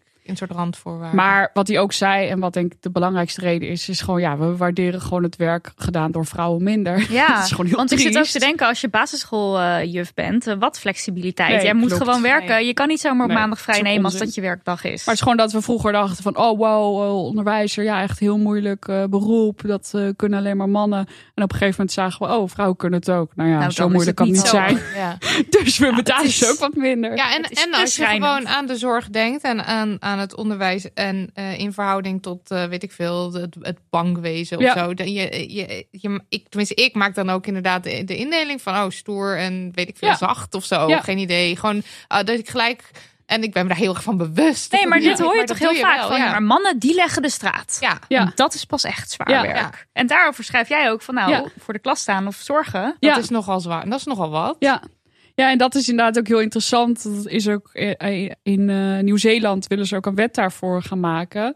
Want dat wordt inderdaad heel vaak gezegd van ja, maar mannen doen ook eh, ja, straten maken en vuilnismannen. En dat is ook lichamelijk en fysiek heel zwaar werk en eh, onregelmatige tijden en bla bla bla. En in Nieuw-Zeeland hebben ze gezegd van ja, klaar met al deze bullshit. We gaan gewoon op objectieve criteria waarderen hoe zwaar een bepaalde baan echt is. Hmm. Wat voor opleiding heb je nodig? Hoe, weet ik veel, hoe is het fysiek? Hoe zijn de roosters? En dan kwamen ze dus achter van, oké, gevangenisbewaarder, wat bijna alleen maar mannen zijn, lijkt eigenlijk best wel op ehm, dat je verzorgende bent in een verpleegtehuis. Want, Als je dat gewoon helemaal objectief Ja. naast elkaar legt. want qua- allebei eh, fysiek best wel zwaar, een beetje hetzelfde opleidingsniveau. eh, allebei eh, s s'avonds en eh, nachtdiensten, Mhm. weekendwerk, dit en dat, grote verantwoordelijkheid, bla bla bla. Oké, alleen waarom krijgt die ene dan, die gevangenisbewaarder, bijna twee keer zoveel betaald als die ander? Ja, omdat Oh, het mannen zijn. Ja. En toen zijn ze dat dus helemaal gaan. ehm, volgens mij hebben ze via de vakbond toen een rechtszaak aangespannen. En moet die thuiszorgorganisatie Hmm. of die zorgorganisatie super veel geld eh, betalen aan al die. eh, Om dat recht te Om dat trekken. recht te trekken. goed. Ja, En, en is het ook zo, ehm, ik weet niet of hier onderzoek naar is gedaan, maar als er, waarschijnlijk wel, als er eh, een vacature is en daar komen sollicitatiebrieven op en er, er wordt verder geen eh, naam of geslacht of iets aan verbonden, maar je kijkt dan, worden er dan, worden vrouwen en mannen dan 50-50 aangenomen? Of weet je dat niet? oef. Ik heb geen, eh, dit komt Ja, Zeer specifieke vraag. ik vind 50-50 aangenomen, weet ik niet. Nee, maar of eerlijker. ja, nee, het is sowieso wel. eerlijker. Ja, in ieder geval voor man-vrouw weet ik niet zo goed. Maar in ieder geval voor afkomst en de culturele achtergrond is er heel veel onderzoek naar gedaan. Mhm. Want er is gewoon een mega veel arbeidsdiscriminatie op basis van naam. Van je naam, als je Ja. niet een, een oer-Hollandse naam Ja. hebt, dan, Dus dan je. dat eh, als je een oer-Hollandse naam hebt, stel je heet Peter en je hebt een strafblad. En dat staat op je Oh ja, cv. heb je meer kans om te worden uitgenodigd dan als je Mohammed heet. Je hebt precies hetzelfde cv en je, hebt geen strafblad. Dit is echt Je- zo kut, ja. Oh, Ja. wat een kut, kut gegeven Ja. is dit. Zeg. En meer Peters die, eh, wat was het, bestuurder ja, zijn. Vrouwelijke CEO's, Ja. toch? Ja. Oh, echt. Zo... bleh. Ja, dus dat. En eh, er zijn nu ook wel steeds meer organisaties die dan anoniem solliciteren invoeren. En dat ja, Ja. blijkt absoluut te, te helpen. Te werken, Ja. Ja. Want ja, als je het niet weet, dan kan je ook niks met die informatie. En hoe zit het nou met die babyboete of dat zwangerschapsverhaal? Je zit natuurlijk zelf nu middenin. Ja, Ik weet niet of het dan ook extra je aandacht heeft misschien. Of Ligt dat- de babyboete al op de mat? Ja, hoe, hoe werkt dit? nee, ja, nee, die krijg je niet. eh, Want je leest de brief best wel- van de Rijksoverheid. Nu is het zover. betalen. Maar je leest best wel vaak zo van... Ja, maar vrouwen die eh, doen het vet goed in het hoger onderwijs en Ja. zo. Die gaan vet goed, maar dan worden ze zwanger. Ja, en dan, eh, gaat het mis. Ja, Ja, why? Hoe? why? Eh. Ja, omdat die mannen niks, eh doen, Niks doen. eigenlijk. ja, dus bij vrouwen neemt het inkomen gemiddeld uit mijn hoofd 46% af nadat ze een eerste kind krijgen. En bij mannen blijft het ongeveer gelijk. En dit heeft wel echt te maken met parttime, toch? Dit is niet dat het verrekend is en... Eh, ja, nee, dat is dus het totaalbedrag. Ja, Ja, ja. Dus dat heeft te maken met part-time. Maar ja, dat heeft ook meer kanten, weet je wel, van oké, je promotie eh, wordt uitgesteld. Of ja. Ja. we geven je maar geen Geen salarisverhoging. managersfunctie. Want eh, ja, je bent toch op verlof geweest. ja. Dat soort dingen ook. Oh, dat wordt dan als, als, als argument gebruikt om niet je promotie te geven. En Of jij hoeft toch niet mee te doen aan die cursus, want je gaat toch op eh, verlof. Ja, Dat soort dingen. Oh. Dus worden gewoon ook ja, kansen ontzegd, zeg maar. En, en dan op een gegeven moment denken vrouwen soms ook van, nou ja, oké, als ik toch niet dat allemaal kan doen. En ook waar we het eerder al over hadden, ja, mijn vriend verdient toch al meer. Nou ja, dan ga ik maar twee dagen minder werken. Ja. Weet je wel? Dus dat hangt ook allemaal met elkaar samen. Ja. Ja, je moet ook keuzes maken natuurlijk. Hoeveel, hoeveel conflict en stress en zo wil je Ja. als je, als je elke stap die je moet nemen moet bevechten. Is Absoluut. natuurlijk ook hartstikke kut. Ja, en ook nog in een fase van je leven, weet je wel, dat je misschien denkt, ik- soms dan spreek ik wel eens vrouwen dat gewoon echt een super duidelijk geval van zwangerschapsdiscriminatie is. En zit ik van, oh my god, weet je wel, je moet het gaan aanvechten, je moet naar de rechter. En ze zo, ja, hallo, weet je wel, ik ben nu eh, zoveel maanden zwanger, ik heb wel wat anders aan mijn Ja, hoofd. gaan we geen zin in. Eh, laat Dus maar eigenlijk zitten. zou het ook helpen als we dit veel makkelijker, als we die mensen dus veel makkelijker zouden kunnen helpen. Ja, Dus dat je ergens kan aankloppen en dan hoef je Ja, alleen maar te nee, zeggen dat en dan doet kan iemand wel. anders helemaal voor jou regelen. Ja. ja. nou, dus als je luistert, als je hiermee te maken hebt, Ja, Dat kan je dus bij het College van de Rechten van de Mens. Kan je best wel makkelijk eh, melding van maken. En je hebt ook de vrouwenrechtswinkels in Scoort, bureau Clara Wigman. Er zijn best wel veel instanties. Ehm, maar ja, heel veel vrouwen weten het niet. Of die nee. denken En waar van, begin je in Ja, waar hemelsnaam? moet ik beginnen? Maar weet dus dat kan. Gratis ook, laagdrempelig. Hm. En zij gaan het dan voor je uitzoeken. Oké, nou dat is echt goed om te weten. Ja. ja. Ja. Stom gesprek. Ik haat alles. Ja. En eh, hoe zit het nou met die eh, yoga-vrouwtjes? Die Ja. de hele dag yoga liggen te doen? Heeft dat Ja. nog effect? Nou, dat is eigenlijk de oorzaak. Ja, want dat, dat lees je natuurlijk ook hè, op de twits. Ja, Twitter is dat dit. nog even. Ja. zij zijn de grote schuldigen. Zij drinken die, die, koffie eh, Ja. die almachtige groep waar jij het net over had. Ja, precies. Die, eh, dat zijn de yoga-vrouwen. Ja, Ja. ja. Dat, die, die hebben het allemaal. Die eh, zitten allemaal in dat kantoortje Ja. zo. De salarissen te bepalen van iedereen. En de babyboetes uit te delen en zo. ja. Nou, wel echt een enorme plot twist zijn als dat het, eh, de oorzaak was van de loonkloof. Ja, Mensen op een yogamatje. ja. Maar dit is natuurlijk onzin. Ja. ja het Dat is die, onzin. eh, ja. En het is ook, ja, word er zo moe van. Het is ook zo'n heel onrealistisch beeld van de werkelijkheid. Zeg maar natuurlijk, er zijn vast vrouwen die... Ja, natuurlijk Yoga zijn er doen. vrouwen die aan yoga doen en Ja. mannen ook. Ja. En er zijn ook vrouwen die deeltijd werken en die aan yoga doen. Maar nou, ten eerste denk ik dat het heel problematisch is om zo'n dit hele probleem, als je ziet hoe complex het is, hoeveel kanten eraan Ja. zitten, om dat zo te individualiseren. Dan denk ik, ja, wie in hemelsnaam help je daarmee? Weet je wel, we gaan het nooit oplossen op deze manier. Het is misschien. Nou ja, volgens sommige mensen gaan we het dus wel oplossen. Want die Ja. mevrouwen moeten van hun yogamatje afkomen Ja, en, En gaan meer werken. werken. Ja. Ja, Dat en is dan de oplossing die Ja, ze aandragen. volgens sommige mensen. En, eh, maar, ja, en, eh, en, wa- en want hij, hij Ja? zegt dan dus ook van, ja, want mensen komen dan met eh, nee, maar vrouwen werken deel- en onbetaald werk Ja. en kinderen. En, en hij komt dan met eh, nee, maar ook alle, eh, wij zijn, we lopen voorop in het aantal deeltijd werkende vrouwen, ook zonder kinderen. Ja, vrouwen werken graag. Mensen sowieso in Nederland werken graag deeltijd, toch? Ja. vergeleken met Mannen ook. Ja. In heel veel landen bestaat deeltijdwerk ook niet eens. Dus ik heb een tijd in Spanje gewoond en dat Daar werkt iedereen gewoon vast een aantal. Ja, en dat moet ook, want anders verdien je niet genoeg om eh, Hmm. rond te kunnen komen. Weet je wel. En, en ook in heel veel banen, weet je wel, misschien wel als je in de horeca of in de supermarkt of zo kun je wel deeltijd werken, maar heel veel ja, meer hoogopgeleide banen, zeg maar, dat bestaat gewoon niet. helemaal niet, dat in deeltijd te doen. En stel iedereen gaat hier fulltime werken. Is Ja. dat dan de oplossing? Ik ga, Nee. Wat is dan, wat gebeurt Nee, want er dat dan? zie je dus ook, wat ik al grappig vind, is dat in Nederland altijd wordt gezegd, ja, een deeltijdcultuur, bla bla bla. En toen ik in Spanje was bijvoorbeeld, dan zeiden ze maar, ja, we hebben zo'n macho cultuur en daardoor lukt het allemaal niet, weet je wel. En dan zie je dus heel veel vrouwen die voltijd werken, ja, die komen nog steeds niet aan de top en ze verdienen nog steeds minder, weet je wel. Dus het probleem is veel groter dan alleen maar Ja, Daar dus eh, niet alleen dat deeltijdwerk. Ja. En ook wat mensen heel vaak vergeten bij te vertellen, is dat dat deeltijdwerk heel belangrijk is geweest in de arbeidsparticipatie van vrouwen. Dus wordt vaak vergeleken met andere landen van ja, maar daar werken ze allemaal voltijd. Ja, maar er zijn ook veel meer vrouwen die helemaal niet werken, Oh ja. omdat het deeltijd Ja. niet bestaat. En wat ik in jouw boek las, is vergeet ook niet dat eh, veel mensen die vier dagen in de week werken, het werk verzetten van vijf dagen dat werken. ook, Ja. ja. Dan je kan of zeg maar lekker koffiepauzetjes nemen en dan Ja. vijf dagen vullen. Of Ja. je kan keihard werken, minder betaald krijgen en vier dagen werken. Ja, en dat is ook waarom sommige, want heel veel mensen zeggen, ja, die loonkloof allemaal overdreven. Als je hiervoor corrigeert, dan blijft er bijna niks over.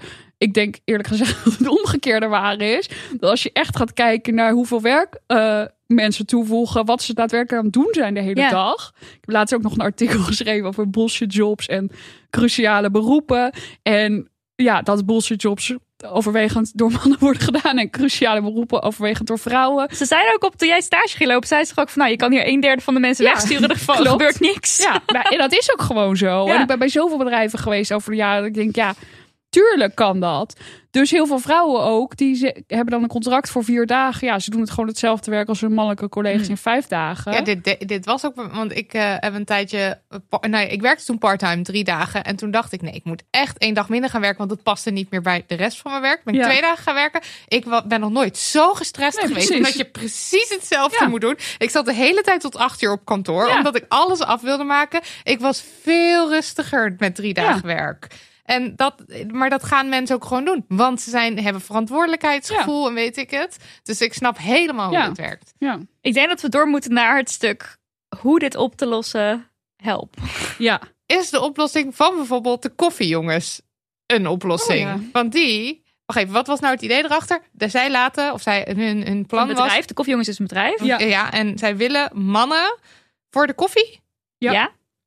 14% meer laten Ja. betalen. Ja, Dus of gewoon- eigenlijk mensen staat er ook zo van wil je bijdragen, dan kan je Ja, meer het betalen. vrijwillig. Ja. Gaat naar Dus een goed als doel. jij- toch? Ja, Ja. het gaat naar een goed doel. Project Fearless, om meisjes eh, ja, zelfverzekerder te maken, volgens mij. Maar eh, zeg maar iedereen die eh, eh, in, in eh, nou ja, mannen, maar over iedereen die goed verdient, die als die ook meer laten betalen, is Ja. misschien dan wel een oplossing. Ja.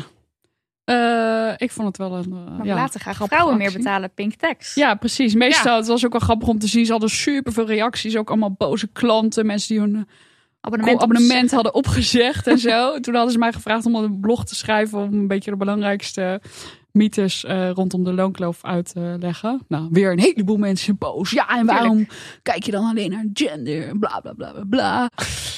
Ehm, en toen Hoe jij gewoon je dag doorkomt. Ja. Het echt heftig. Ja, jouw bloeddruk bijvoorbeeld? Ja, heel goed, heel laag. Wordt nu heel vaak gemeten omdat ik zwanger ben. Ehm, Dat is wel een fijne geruststelling die je hebt. Ja. Maar je moet gewoon niet te vaak naar kijken. Gewoon, ja, dat soort berichten ook niet op reageren. Want het, de mensen willen ook helemaal niet veranderen. Maar ehm, is dat een oplossing? Ja, nou, ik denk niet permanent. Ik denk Nee. uiteindelijk, Meer om misschien iets aan de kaak te stellen. ja, daarvoor is het heel goed, denk ik. Wel om het onder de aandacht te brengen. En ook om te laten zien hoe grappig het is. Hoe mensen dan reageren. Ja, dit is oneerlijk. En als je dan zegt van, ja, maar vrouwen verdienen ook veel minder. Ja, Nee, maar dat, dat is niet waar. logisch. Ja, of het is logisch, of het is niet waar. Of de cijfers kloppen niet. Ja, zeg maar, ja. Dus ehm, nee, ik denk de oplossingen waar ik ook veelvuldig over schrijf in mijn, in mijn boek, dat het Mhm. heel erg bij de overheid ligt. En ook wel bij werkgevers. En dat er gewoon echt structureel dingen moeten veranderen. Weet je, zoals dat ouderschapsverlof of Mhm. partnerverlof. Dat het gewoon gelijk moet worden voor alle ouders. Ehm, eh, die loonkloof, weet je, er moet gewoon veel strenger op gecontroleerd worden. Want het is al lang verboden. Maar het gebeurt gewoon in werkelijk iedere organisatie. En ze zeggen gewoon allemaal van... Ja, maar we hebben het al een keer onderzocht en er was geen loonkloof. En dan zeg ik, oké, mag ik dan de resultaten zien? Ja, en dan Ja, ingewikkeld, zo lang geleden, bla bla bla. Ja, is ja privacy, weet je wel, HVG kan niet. En dan denk je, mhm, ik weet al genoeg, weet je wel. Dus meer transparantie daarover en ook gewoon echt meer verplichting om daarover te Ja. rapporteren. Ik denk dat dat heel belangrijk is. En er is een land waar, dat, waar het andersom is, toch? Waar de bewijslast... IJsland Dat was ook. ook IJsland. Ja. IJsland. Tuurlijk. Oh, IJsland. Ik zou nu willen uitbarsten in het IJslandse volkslied, maar helaas Ken ken, ik die het niet? niet. Oh, je maar die kunnen we hier wel even implementeren.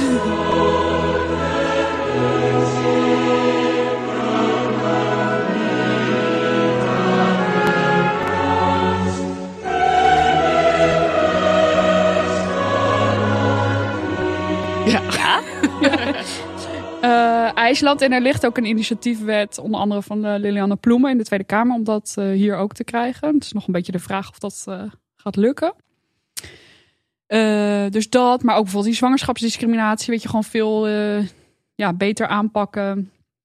Kinderopvang verbeteren, Maar ook meer in die waardering van beroepen. Dus jij zijn die mensen die daar aan de knoppen zitten en die besluiten waarom krijgen ze nou opeens eh, veel minder. Weet je, dat gewoon een keertje corrigeren. Gewoon zorgen dat die beroepen waar veel vrouwen werken, dat we niet alleen maar applaus geven, maar ook gewoon een keer een, een goed salaris. denk geld. ook dat een van de meest frustrerende dingen van de co- coronacrisis dat zo duidelijk is Ja. geworden hoe belangrijk de zorg is en dat daar Ja. gewoon nog steeds geen geld naartoe gaat. Eh, ik vind, nou, het is beyond Ja. me. Ja, of wel veel geld naartoe gaan, maar gewoon Maar niet totaal naar de juiste plekken Want ik bedoel, dat, Ja. dat er geen IC-verpleegkundigen zijn, Nee. dat is natuurlijk omdat ze niet goed beloond Nee, worden en allemaal overwerkt zijn. Ja, en, heel wat. zwaar werk doen. Ja. Nee, straten leggen. Oh ja. Ja. Dat is zwaar werk. Leggen. Oké, eh, en, en, eh, en op wat, wat kleiner niveau? Dus wij, Ja. wij zelf of een luisteraar Ja. die misschien niet ergens in de top van het Ja. bedrijfsleven zit? Of... Eh, nou, ik denk dat iedereen hieraan bij kan dragen. Ja. Dus ook al zoals het voorbeeld van degene die jullie Ja, die de brief mail schreef, stuurde, ja. ja. in het begin. Weet je wel, als je iets ziet, of wat ik ook heb gedaan toen ik dat zag op mijn werk. Eh, als je iets ziet waar je het niet mee eens bent, waar je denkt, hé, hey, dit kan niet, zeg er wat van, spreek mensen daarop aan. En soms is het best wel eng en dan denk je van, oh, kan ik dit wel doen? En gaat het wel meer? Lalala, ik durf het niet en zo. Ja. Maar doe het alsjeblieft, want het heeft echt impact. En je zet mensen echt aan het denken. En soms ja, gaan ze ook gewoon opeens veranderen, weet je wel? Ja, en voor je het weet ben je de huisfeminist. Ja, precies. Ja, ook hartstikke leuk. Ja, hartstikke leuk. en voor je het weet, ja, maak je je werk ervan en dan schrijf je een En ben je loaded zeg maar. als je de loonkloof aanpakt? Precies. Nee, Al die maar arme vrouwtjes, een hoop geld te verdienen. Lekker meedijnen op het kapitalistische systeem van Adam Smith. Of weet je ook weer? Ja, ja, toch? Ja. Nee, maar, maar Eh, zonder. eh, Nee, dus ik denk dat dat echt is- belangrijk ja. is Ja. om je echt uit te spreken. En ook, ja, iedereen heeft een salaris. Je praat over geld, ook met je vrienden, familie, collega's. Weet je wel, want dat is de- ook de enige manier om erachter te komen of je eerlijk wordt Ja. beloond. Ja. Dus ga gewoon eens vragen van, hey, eh, ja, Wat verdien je eigenlijk? Verdien je eigenlijk? Oh, eh. en ook als freelancer bijvoorbeeld, als je heel veel verschillende opdrachten doet, kan dat ook heel erg helpen om een beetje te weten hoeveel anderen vragen. ja. En gewoon wat hoger in te zetten af en toe. Ehm, ja, ik kan nog wel even doorgaan. eh, Mensen je- moeten gewoon jouw boek gaan lezen. Ja, dat Ja. natuurlijk. Staat Ja. vol ook met idee. Ook voor micro-revoluties. Dus Ja. ook dingen die je zelf kunt doen. Ja, nee, het is, het is echt een heerlijk boek. Ehm, eigenlijk ook hoe je hier nu zit. Je weet weet het heel toegankelijk te brengen. En mensen moeten het gaan lezen. Ja. En ik denk ook, als je het zelf hebt gelezen, dan heb je ook meteen zin om het in allemaal handen te drukken. En, Ik heb eh, ook dus te van markeren. markeren. Oh. Dat, doe ik dus, dat doe ik echt niet veel. Dus dit is eh, aan de hand. Wauw. ja, dit is gewoon een een studieboek heb Ja, je het precies. behandeld. heel belangrijk boek voor de, voor de mensen. Dus ga Dankjewel. heen en leest en eh, vraag geld. Ja.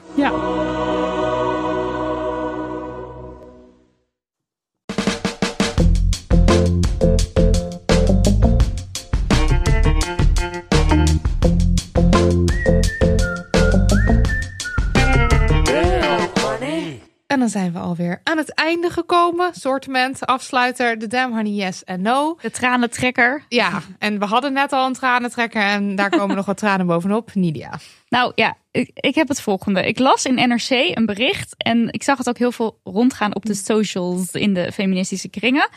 Een hoofdagente in Den Haag is ontslagen omdat ze een NRC-journalist inzage gaf in haar appverkeer met haar teamchef.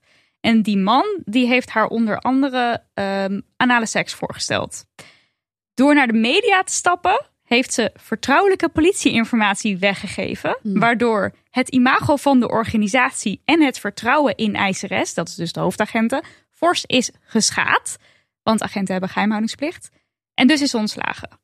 Nou, ik dacht meteen, Ja, echt. what the fuck? Ja. Hoe kan dit nou? Ja. Eh, hoe, sowieso, hoe sowieso? Hoe zijn appjes over anale seks vertrouwelijke politieinformatie? Dat was eigenlijk ook al iets wat ik dacht. En hoe kan je nou ontslagen worden terwijl jij degene bent die aangeeft van... yo, ik ben slachtoffer van grensoverschrijdend gedrag van een teamchef. En die teamchef is nog eh Aan het werk. Dat dienst. komt er nog bovenop inderdaad. Want je hebt nog eigenlijk een soort losse rechtszaak gehad. Die teamchef is ontslagen uiteindelijk. Oké. Maar de rechter die zegt nu, nee, dat is onterecht. Hij eh, mag gewoon blijven werken. Dus bij, bij haar hebben ze gezegd, jij bent terecht ontslagen. En van hem hebben we gezegd, je bent onterecht ontslagen. Ehm, daar word je natuurlijk meteen boos van als je dit leest. En Ja. er stond bovendien in het stuk dat de rechter aangaf dat de eiseres, dus de hoofdagenten, had de keuze om met andere vertrouwenspersonen binnen de organisatie in contact te treden. Oftewel, één is niet genoeg. Je had eigenlijk nog aan moeten geven van dit werkt niet met deze vertrouwenspersoon. Ik moet naar een ander. Ehm, dat vond ik ook heel raar om te lezen. Hoeveel vertrouwenspersonen moet je dan spreken? Ja, hoeveel, wat moet je uitspelen voordat je eindelijk een keer gehoord wordt of geholpen Mhm. wordt? Of Ja, en hoe weet je dat? En het dat is je dus- dat moet doen. Ja, nou, I don't know. En er is dus ook nog zo dat deze hoofdagent al weggepest is bij een andere politie, ehm, politiebureau. Of hoe werkt dat? Want ze heeft daar misstanden eh, gemeld. En dat, toen is ze weggepest. Dus er Hele was goede al. organisatiecultuur. Ja, er was al een geschiedenis van verschrikkelijkheid. Maar goed, toen ging ik er toch even wat meer over lezen. Dan blijkt het toch weer wat genuanceerder te liggen. Je hebt namelijk op Twitter twee rechters die zich veel uitspreken als mensen dus heel boos worden over uitspraken van rechters. Ehm, namelijk eh, Judge Joyce heet een van deze twee rechters. En ehm, rechter Jos, geloof ik, als ik het nu goed zeg. En zij zeiden van ja, het is allemaal leuk en aardig, maar dat NRC-artikel, dit laat eigenlijk allerlei feiten weg. NRC is hier zelf ook een partij in, want NRC is degene waarmee de hoofdagenten gesproken heeft. La, la, Oh la. Dus toen dacht ik, is het dan wel een damn honey no?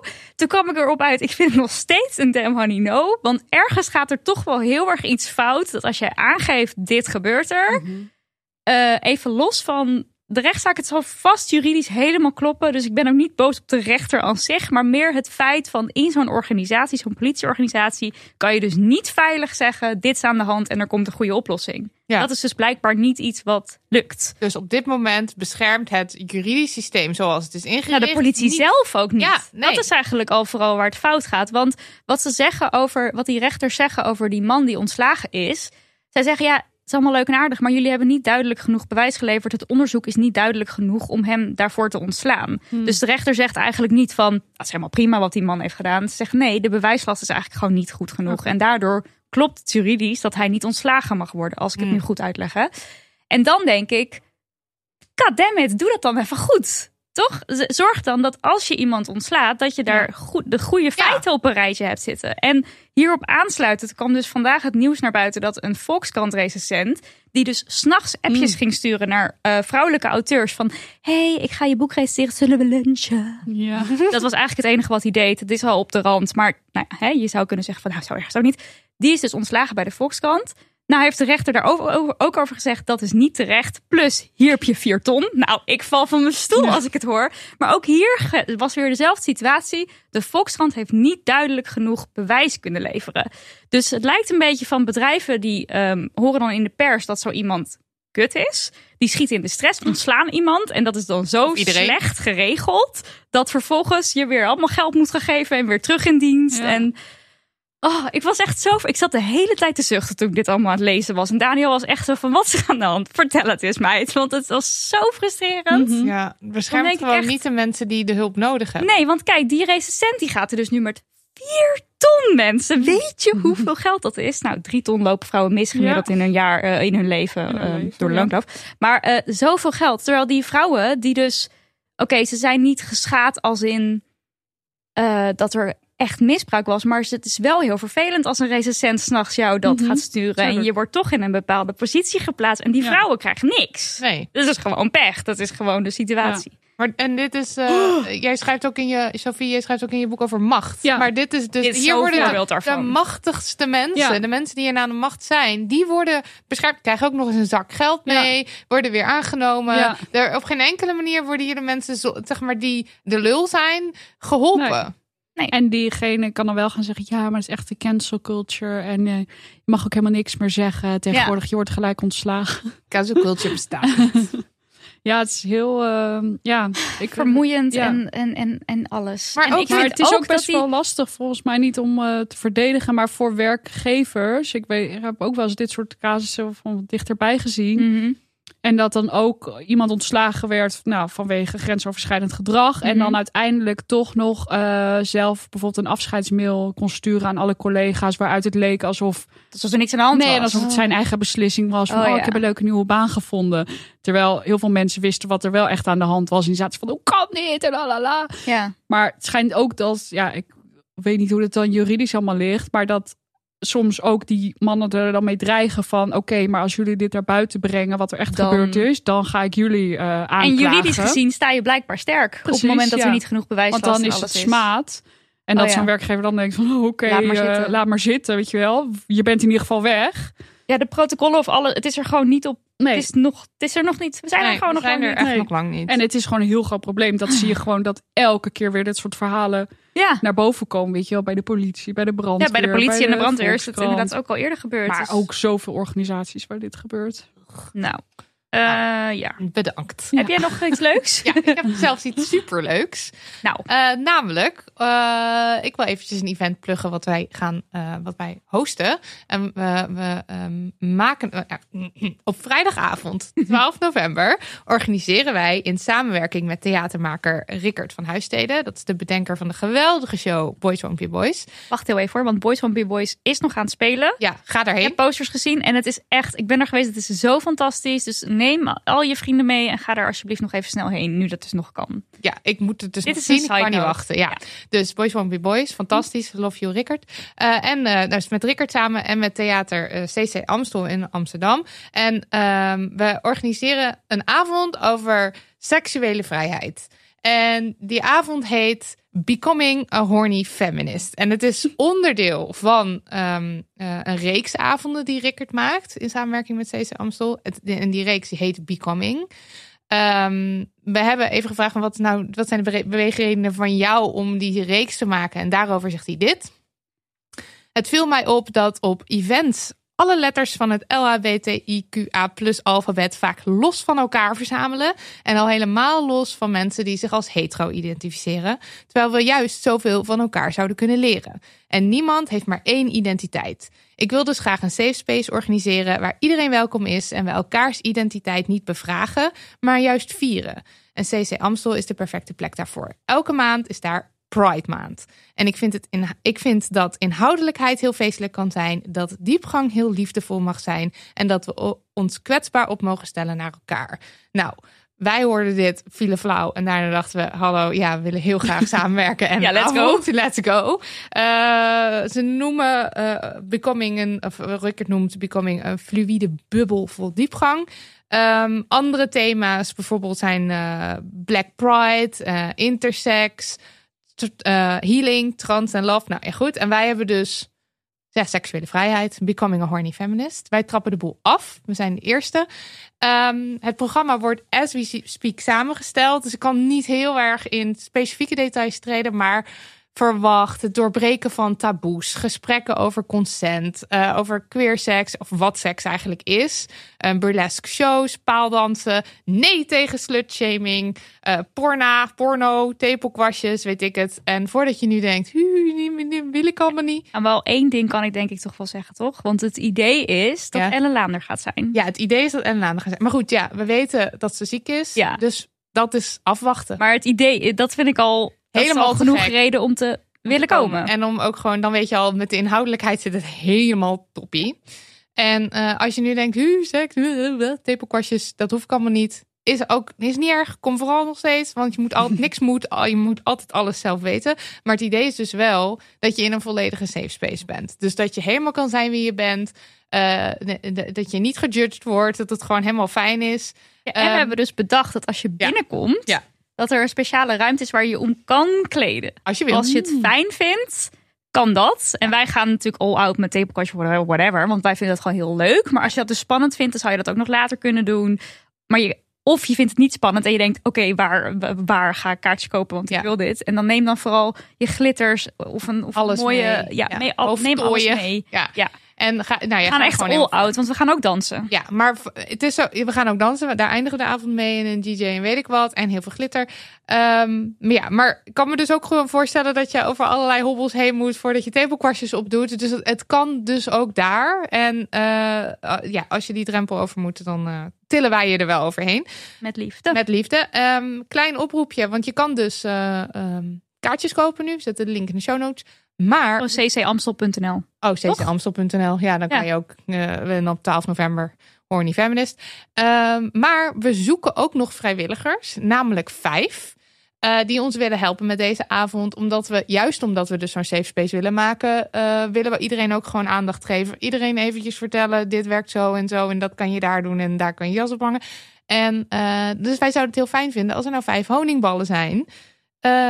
Die ons willen helpen. En dan moet je dus wel een beetje sociaal type zijn. Dus je moet Ja, moet leuk vinden in om mensen hebben. aan te spreken. En even dat, dat veilige gevoel te geven. Ja, en, en, eh, uiteraard werken we ook met QR-codes en alles. Hè? Maar dat, ja, dat spreekt voor zich. Maar dat de mensen dat maar even weten. Ja, dus ehm, als jij er denkt, hey, dat lijkt me leuk. Je krijgt dan natuurlijk gratis toegang. Je hoeft dan niet te betalen. Maar goed, dat sprak denk ik ook vanzelf. Eh, als je dan denkt, hey, dat vind ik leuk. Stuur even een mailtje naar info.damhoney.nl En dan zet je er bijvoorbeeld bij, horny feminist wil helpen. Of zoiets in de, in de onder- onderwerptitel. En dan eh, nemen we even contact met je op. Want het lijkt ons hartstikke leuk. Eh, ja, dus kom allemaal en eh, kom helpen. Ik heb heel veel zin. Ik ook zoveel zin. Dit was aflevering 78.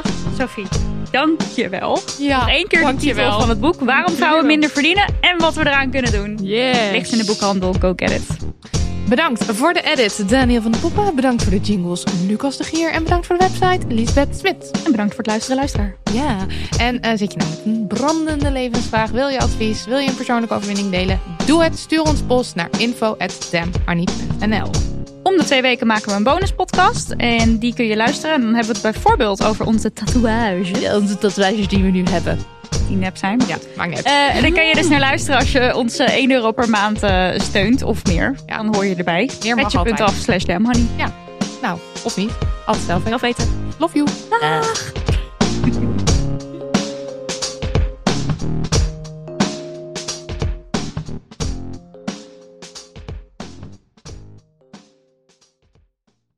Nog even over die grootse en epische muziektheatervoorstelling. Het achtste leven voor Brilka is een marathonvoorstelling van 5 uur. Koop je tickets voor deze bijzondere theateravond via oostpol.nl.